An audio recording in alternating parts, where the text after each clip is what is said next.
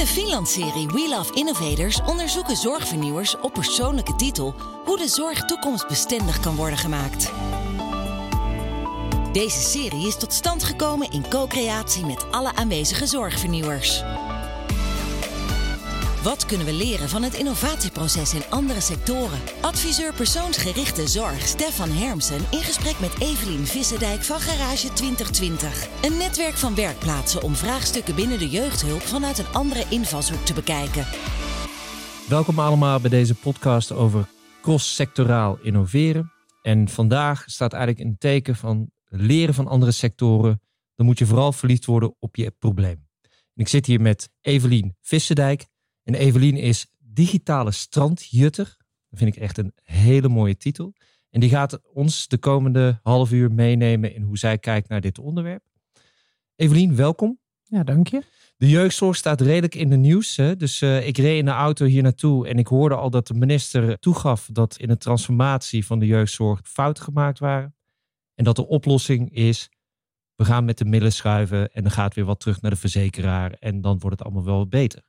En ik ben benieuwd of jij er ook zo naar kijkt. Nou ja, het is natuurlijk heel interessant om te zien hoe uh, die ontwikkelingen gaan. En ik denk eerlijk gezegd niet dat geld de oplossing is voor dit probleem. Maar daar komen we zo meteen in het verhaal waarschijnlijk nog wel uh, verder op terug.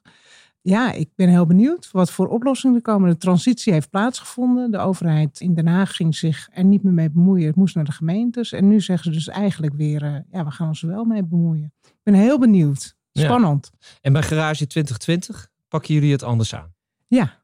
Kan je ons wat vertellen? Wie is Garage 2020 en wat doen jullie eigenlijk? Nou, we zijn oorspronkelijk begonnen met het initiatief in Amsterdam. Het is een wens vanuit Spirit geweest, een grote jeugdhulpverleningsorganisatie in Amsterdam, om te zeggen van ja, we moeten innoveren. Er verandert heel veel om ons heen. Het gaat niet snel genoeg, we sluiten onvoldoende aan. Kunnen we niet een plek creëren waar mensen die van buiten de sector komen mee gaan denken over problemen in de sector of binnen de sector. En waarom is het nou zo nodig dat mensen van buiten die sector mee gaan denken bij het oplossen van die problemen? Nou, wat wij ervaren is vooral dat ze een, een ander perspectief meebrengen. Met andere oplossingen komen, maar ook andere vragen. Ik denk dat dat vooral het belangrijkste is. Als ik terugkijk op wat we de afgelopen tijd hebben gedaan, is, is vooral de vragen die ze stellen, die leiden ook weer tot andere oplossingen en tot andere reflecties. En uh, ja, dat, dat helpt enorm. En als Garage 2020, wat is jullie doel? Wat willen jullie ja. bereiken? Ja, onze missie is uh, jeugdzorg overbodig maken. Zo. En in het begin vond ik dat altijd best heel spannend om dat uh, te vertellen, met name aan mijn collega's. Je moet wel even weten, ik zelf uh, ook nog steeds bij Spirit werk. Al vanaf 1999 zelf hulpverlener ben geweest. Dus ja, om dan te zeggen, we gaan de sector overbodig maken, dat is nogal wat.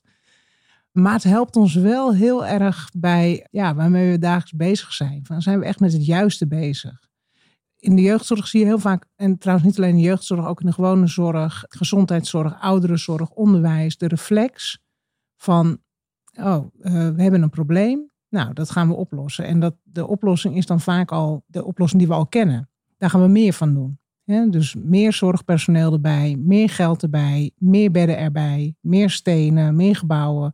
Ja, en wij denken dat je daar op een andere manier zou, naar zou moeten kijken. Van wat is de kern van waarom die wachtlijsten er zijn. Wat is de kern van het feit dat ons beroep minder aantrekkelijk is geworden? Wat is de kern van het feit dat er steeds meer kinderen uit huis geplaatst worden?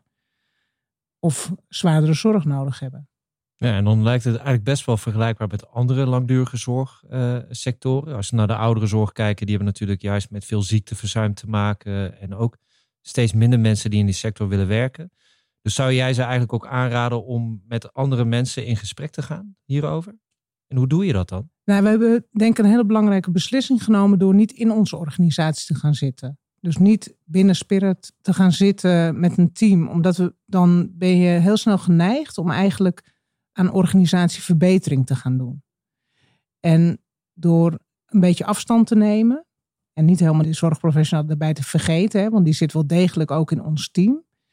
Maar door echt op een andere plek te gaan zitten, fysiek, heb je gewoon ook meer tijd en ruimte, letterlijk en figuurlijk, om na te denken over van die ingewikkelde vraagstukken. Want dat zijn het. Want laat vooropstellen, ik denk dat niemand in de zorg de problemen die er nu zijn niet opgelost zou willen zien worden. het is ook niet zo dat we de afgelopen jaren niets hebben gedaan aan innovatie in onze eigen sector. Alleen, ja, het gaat nu allemaal zo snel. En er zijn zoveel verschillende perspectieven en functies en technologieën die je zou kunnen inzetten.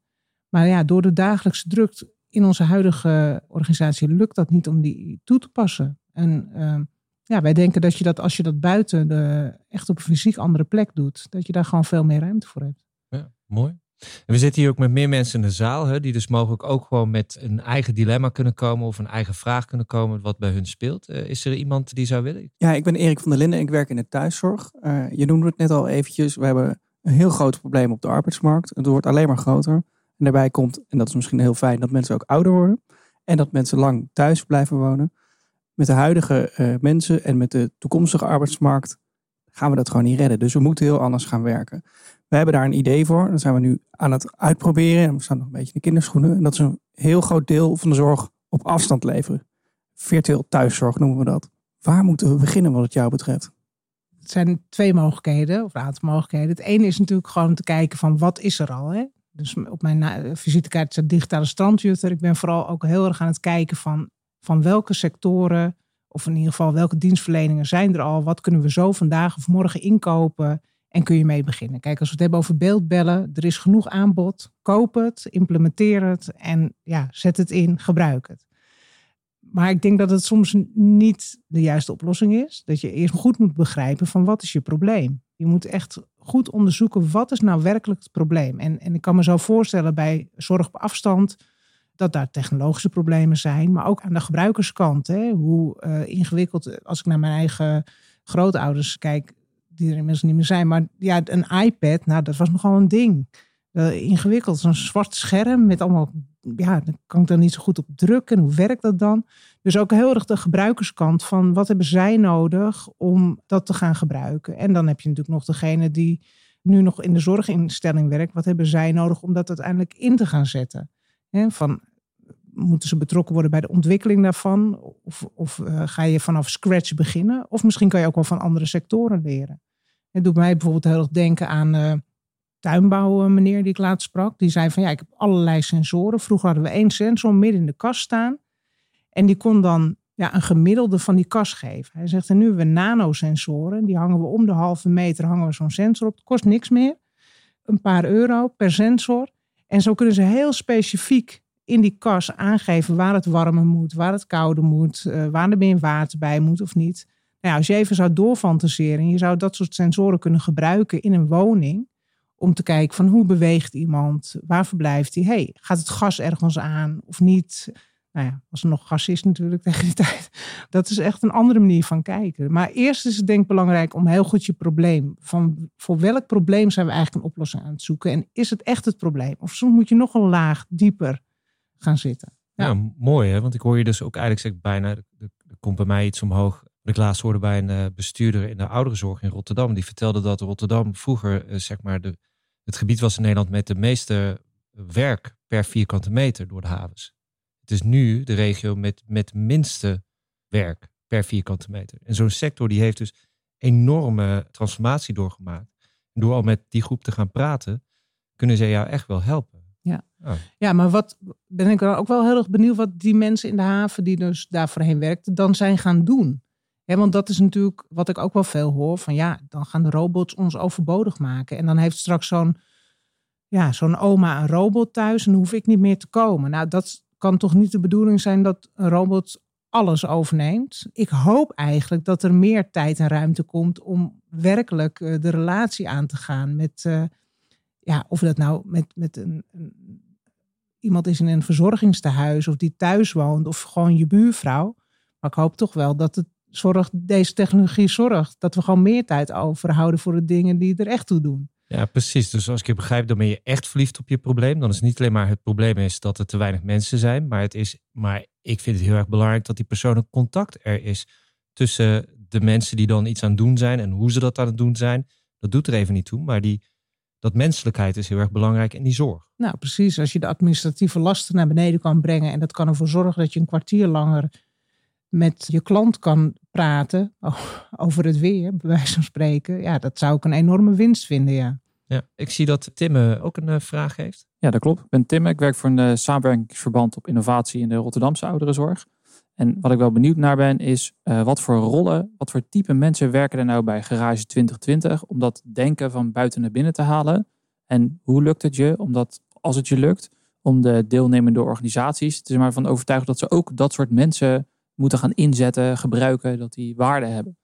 Nou, laat ik beginnen om te zeggen, als ik daar een klip en klaar antwoord op kon geven, dan had ik, kan ik goud verdienen volgens mij. Want dit is wel een van de meest gestelde vragen die we bij de garage krijgen. Van hoe krijgen we onze mensen mee en organisaties mee? Iedereen wil verandering, maar niemand wil veranderen. En tegelijkertijd ook wel hoor, denk ik. Want veranderen is ook hartstikke leuk. En dat maak ik dagelijks mee. Wat wij proberen is om, nou, wat wij zien sowieso, is dat, dat mensen die bij ons aanhaken uh, of, of een open sollicitatie doen of langskomen en, en nieuwsgierig zijn, dat dat echt wel de innovators zijn. dat, is een, dat toch de, de, de groep die voorop loopt, die nieuwsgierig wordt, die denkt van hé, hey, wat gebeurt daar? Uh, ja, dat, dat is een nieuwsgierige mens. We hebben ook een aantal mensen in de garage werken. En die werken daarnaast ook nog bij hun moederorganisatie, zoals we dat noemen. We zijn gefinancierd vanuit de sector. Dus een aantal partners die zorg verlenen, die financieren ons. Die zorgen dat wij uh, nou ja, in leven blijven op dit moment. En wij zeggen altijd van ja, heel fijn als je geld komt brengen natuurlijk. Want ja, we moeten allerlei mensen dienst nemen. Maar ook heel fijn als je je kennis komt brengen. En ook nog fijner als je iemand uit jullie eigen organisatie aan ons kan leveren. En zo hebben we dus iemand vanuit de gemeente Amsterdam die twee dagen bij ons werkt. En van onze partners die bij Garage zijn aangesloten, daar is er altijd uh, ja, één of twee hulpverleners die aan de ene zijde nog twee dagen in de praktijk werken en twee dagen bij de garage werken. En op die manier aan de ene kant het perspectief van de cliënt, de klant, de jongere, het gezin, het, uh, het kind binnen de garage brengen. Want ja, de andere mensen die bij ons werken hebben geen zorgachtergrond. Dus die zijn afhankelijk van die informatie. En aan de andere kant proberen wij, die, wij noemen dat bridging members. Proberen we die bridging members mee te geven hoe wij in de garage werken. Zodat zij ook in hun eigen organisatie dat we mee kunnen nemen. En daarnaast doen we natuurlijk heel veel aan zorgen dat het bekend is hoe we dat doen. Hè? Dus we delen onze kennis daarover van hoe we tot dat soort innovaties komen. Erik? Ik ben zo ontzettend benieuwd hoe de gemiddelde werkdag van een medewerker van een garage eruit ziet. Kan je er iets over vertellen? Misschien is dat al heel grappig om te zeggen. Er is geen gemiddelde dag. Maar goed, laat ik de woensdag dan even uh, als uitgangspunt nemen. Nee, het is altijd weer een verrassing als je op kantoor aankomt wat je aantreft. Vandaag trof ik een hele grote doos met Mentos aan. Ik denk, nou, wat is dat nou? En dat blijken dus mentors met emoticons te zijn. Want we hebben een uh, project wat, wat over emoticons gaat. Gmoji heet dat. Waarbij we proberen met, met de telefoon uh, te voorspellen hoe jij je voelt. En van de week hebben we een event en dan moeten de mentors uitgedeeld worden. Dus dan staat weer een hele doos snoep op tafel. Dus een beetje een aparte werkomgeving met heel veel geeltjes. Dus dat is heel traditioneel. Hè? Innovatie en geeltjes, dat is een soort uh, twee-eenheid. Bruine papieren ook. dus even de fysieke omgeving. We hebben drie kantorenplekken. Maar ja, dat mogen geen kantoor noemen, want het moet natuurlijk een beetje hippe uitstraling hebben. En dat helpt ons ook wel om een klein beetje te voelen dat je ook echt op een andere plek bent. Ja, en hoe ziet dat eruit? Ja, we overleggen maar heel kort. We hebben eigenlijk maar één uur per week dat we met elkaar vergaderen. Dat doen we dan, dat noemen we de huddle. En uh, dat moet allemaal heel snel met een eierwekker erbij mag je maar een minuut lang iets vertellen over uh, hoe, hoe je in je vel zit en een compliment uitdelen en waar je staat met je project. En daarna gaan we een van de projecten bespreken om te zorgen dat er synergie ontstaat. Dus dat al die mensen in de garage werken die misschien niet met jouw project bezig zijn, toch hun idee of hun perspectief op je ja, product of proces. Het ligt een beetje aan welke fase het van ontwikkeling zit. Hè. Soms zitten we in de onderzoeksfase van het vraagstuk. Dat is een vrij lange fase. En is het gewoon heel fijn als je, als je veel perspectieven krijgt. Dat zijn de vaste teamleden. En voor de rest vliegt er van alles in en uit. Uh, gisteren was het Instituut van Briljante Mislukkingen bijvoorbeeld bij ons langs. Om met ons uh, te praten over waarmee we bezig zijn. Wat er wel lukt, maar ook natuurlijk voor hun wat er niet lukt. Vorige week zat er iemand, een ontwerper van een armband uh, aan tafel. Die heel erg gaat stinken als je er heel hard aan trekt. gaan we dus weer kijken van nou, wat zouden we daarmee kunnen in ja, dat iemand zich veiliger voelt. Het is, kan er eigenlijk niet meer over zeggen dan dit. En we hebben één keer in de week, dat is echt super belangrijk. We lunchen samen. En dan nodigen we allemaal mensen uit die, die wij denken dat interessant is om aan tafel te hebben. Of die mensen nodigen zichzelf uit. Omdat ze zeggen, ja, we willen gewoon weten wat, wat, jullie aan het doen zijn. En dat helpt heel erg. Want dan gooit ook altijd iedereen zijn vraagstuk op tafel. En dan krijg je ook weer al die verschillende perspectieven. Dus ik denk dat dat voor onze werkdag belangrijk is. Synergie. Dus er moet iets ontstaan. De ruimte om, om elkaar te helpen bij de projecten. Ja, en ook wel strak projectmanagement. Dat is helaas ook nodig. En Evelien, als ik je zo hoor, dan hoor ik wel, maar misschien hoor ik het verkeerd hoor, hoor ik wel heel veel weer mensen die al werkzaam zijn in de zorg. Volgens mij zijn er wel meer mensen die jullie binnenhalen. Dus aan de ene kant is het al die experts uh, verbinden aan je. Dat zei al, dus wat maakt dat het een succes is binnen zo'n regio. Commitment, dus niet alleen maar geld, maar ook mensen die komen werken. Maar jullie doen nog meer volgens mij. We hebben niet zoveel zorgprofessionals in ons team zitten. Dat zijn er eigenlijk maar uh, twee. En de rest, op dit moment, hè, want als we met meer vraagstukken bezig zijn, dan komt er altijd een zorgprofessional mee met het vraagstuk, zal ik maar zeggen. Die is dan ook de eigenaar van dat vraagstuk. En voor de rest hebben we een data scientist in dienst. Uh, we hebben iemand van de TU Delft, die heeft uh, social design opleiding gedaan. We hebben iemand die zich bezighoudt met de business. Hè, van kun je, hoe kun je hier geld mee verdienen of waarde toevoegen? Daar spreken we eigenlijk liever over. We hebben een cultureel antropoloog. Iedere keer zoeken we per vraagstuk wat hebben we op dit moment nodig. En soms zijn dat mensen die wat langer bij ons komen werken. En, en soms dan gaan mensen ook na een paar maanden weer. Dan uh, zit de opdracht erop. Ik kan me zo voorstellen, hoe kom je nou op een cultureel antropoloog? Zet je daar een vacature voor uit? Of, uh... Nou, we hebben heel veel mazzel daar eigenlijk mee. Zij deed haar onderzoek binnen Spirit. Zij was wel leuk om te vertellen, de enige cultureel antropoloog die niet in het buitenland is afgestudeerd. De rest ging allemaal opdrachten doen in het buitenland. Zij wilde eigenlijk gewoon in Nederland blijven, kwam bij ons terecht. Zij was ook de enige die uh, van haar klas, dat, toen ze allemaal uh, afstudeerden, ook meteen een baan had. En wel bij ons. Super handig en heel mooi, want we doen bijvoorbeeld heel veel dataonderzoek. Dat is natuurlijk heel veel op cijfers.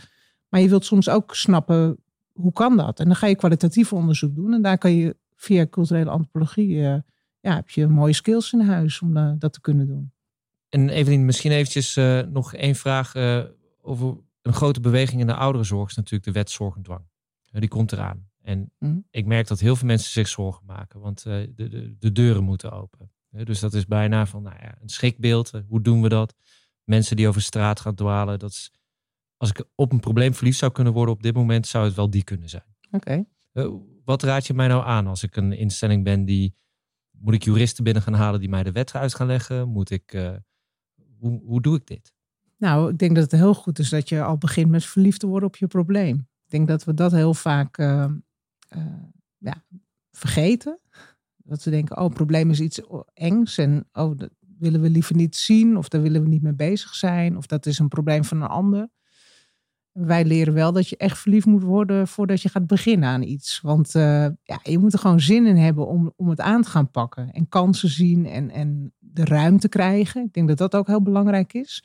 Dus ik voel me altijd heel erg gesteund door onze organisatie, omdat ze er zo achter staan van ja, weet je, gaat aan. Bedenk alternatieven voor ons. En uh, ja, ik vind het dan heel knap als je, als je durft te gaan staan achter een maken als overbodig, als raad van bestuur van de organisatie. Dat is natuurlijk, dat is misschien wel de droom van iedere werknemer, dat je die steun krijgt en vertrouwen krijgt. Dus hoe je begint, dat is daarmee eerst uh, het probleem goed begrijpen voordat je eraan gaat beginnen. En dan, ja, wij zijn eigenlijk altijd meteen al op zoek naar heel veel verschillende perspectieven. Soms te veel, waardoor we ook onwijs uh, in de problemen weer komen van, oh god, waar ging het nou ook weer over? Maar al heel snel heb je dan ook, ja, begin je wel kleine haakjes te ontdekken waarop je verder kunt gaan denken. Dan zoek je weer andere experts erbij. Jij zegt nu ouderenzorg, maar ik denk dit speelt in de jeugdzorg ook. Ik werk samen met uh, Spirit, werken we ook samen met de koppeling. Dat is een gesloten jeugdzorginstelling. Wij willen ook de muren afbreken en de deuren openzetten.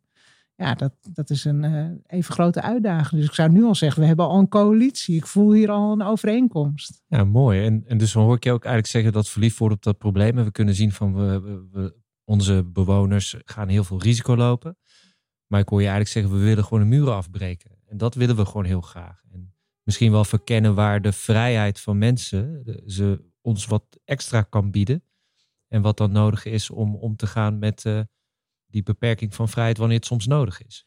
Ja, en wat ons dan ook in zo'n beginfase van zo'n vraagstuk heel erg kan helpen, is dat je ook een filosoof uh, aan tafel zet, die heel erg laat onderzoeken van ja, hoe is het eigenlijk zo gekomen? Want soms weten we dat ook helemaal niet meer. Wat is eigenlijk de oorsprong van het feit dat we bescherming willen bieden? Het zal ooit ergens wel met een hele goede reden bedacht zijn.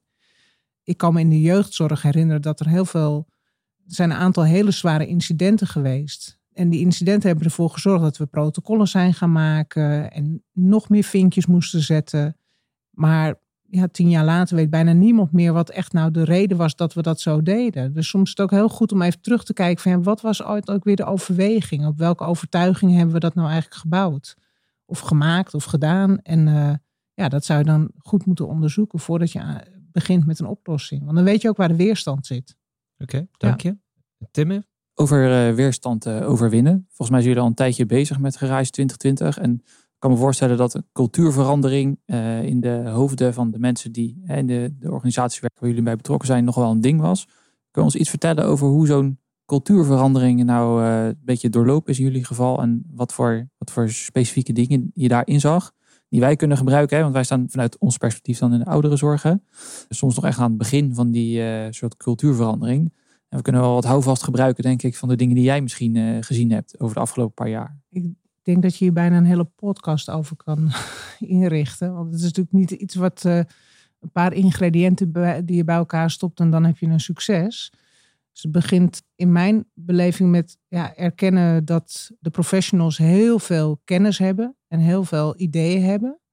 En ik denk dat je in heel veel organisaties ook nog ziet dat het heel hiërarchisch wordt ingericht. Hè? Dus met allerlei lagen, waardoor die professional eigenlijk nooit aan toe komt om echt met, over innovatie na te denken. Want die is gewoon bezig met zijn dagelijkse zorg te verrichten. Ik kan me dat in jullie geval heel goed voorstellen.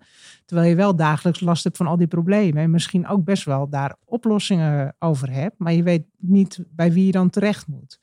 Dus hoe wij dat binnen onze organisatie hebben aangepakt. Hè, en dan spreek ik even over Spirit. Is dat we hebben gekeken van wie zijn nou die voorlopers. Want die heb je nodig. Hè? Dat zijn de mensen die net even dat, dat stapje harder willen lopen misschien. Of net wat enthousiaster worden van veranderingen.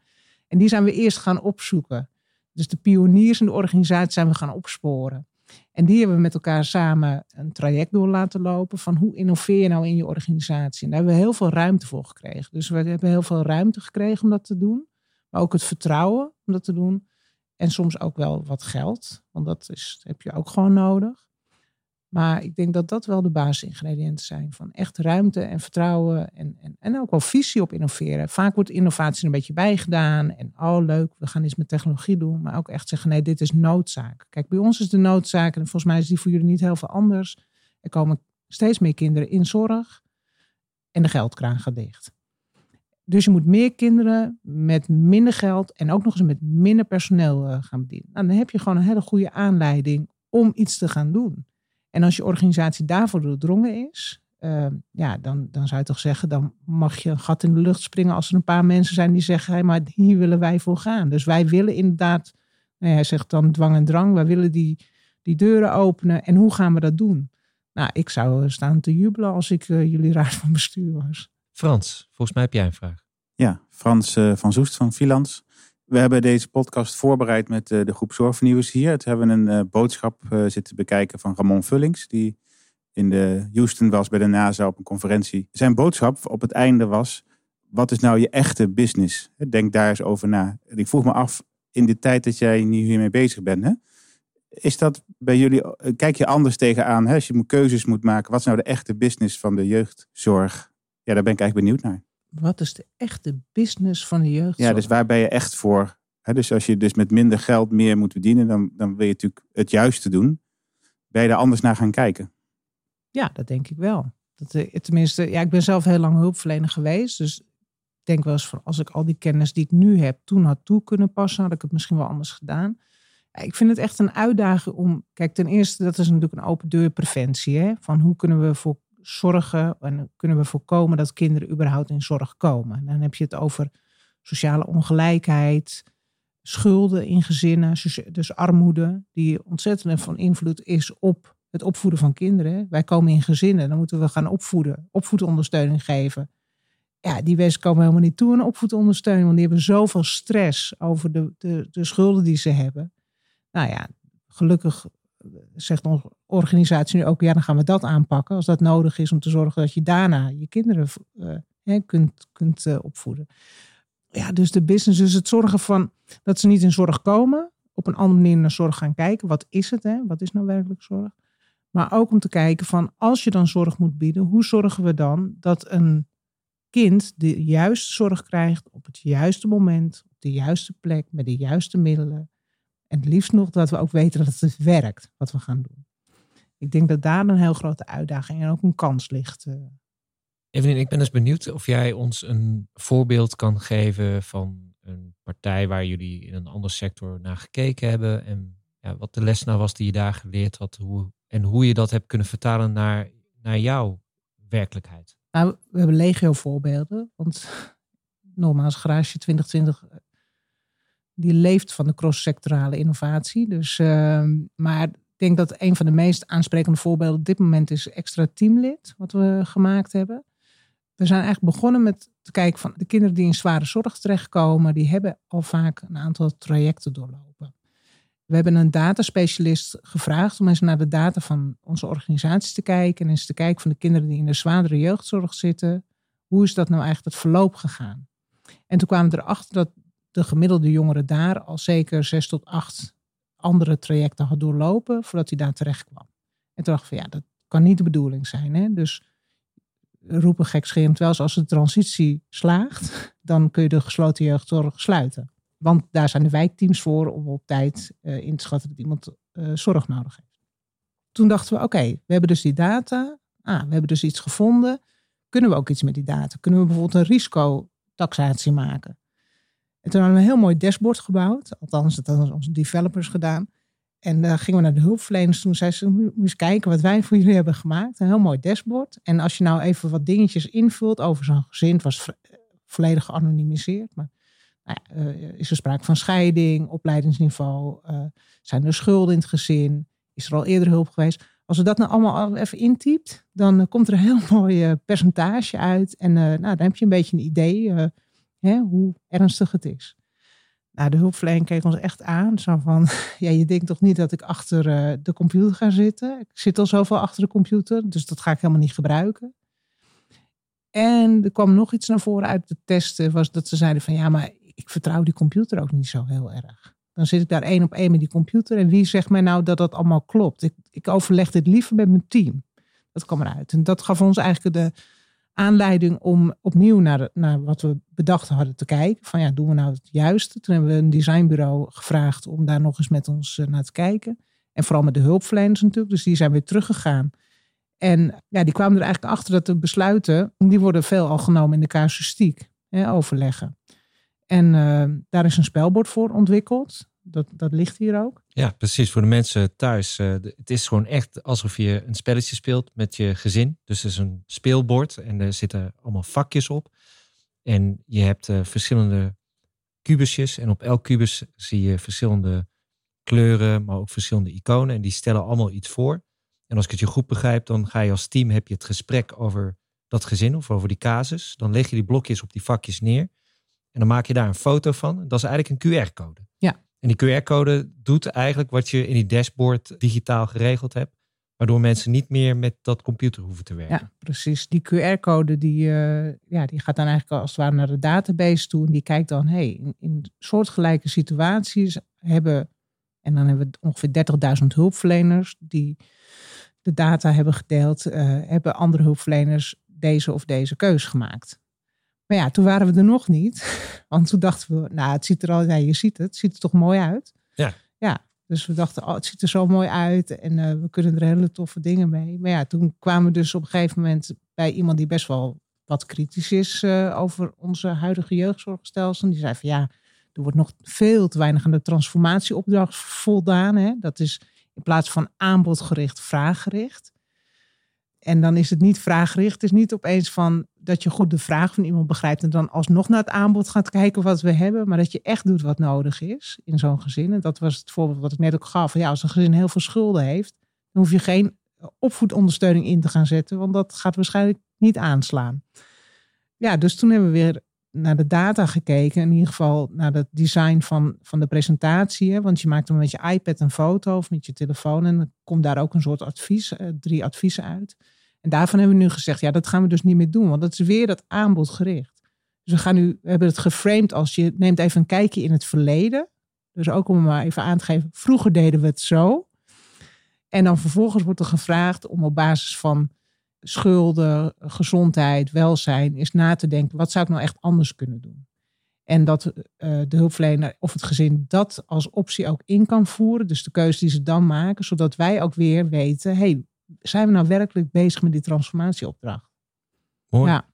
Mooi. En ik denk dus dat dat ons tot een mooi einde brengt. Want het is een hele mooie concrete voorbeeld hoe hè, je zelfs ook met die principes van verliefd worden op je probleem, dat je dan kan merken dat je nog een, een laag dieper moet soms. En dat een product eigenlijk soms dan net een prototype blijkt te zijn voor, en weer klaar is voor de volgende stap. Evelien, ik wil je heel erg bedanken. Je hebt me heel erg geïnspireerd met je voorbeelden. En uh, ik wens jullie heel veel succes om. Uh, wanneer was het ook weer dat de jeugdzorg overbodig moest worden? ja, 2020 hè? Volgend jaar geen jeugdzorg meer. Dankjewel Evelien. Ja, graag gedaan.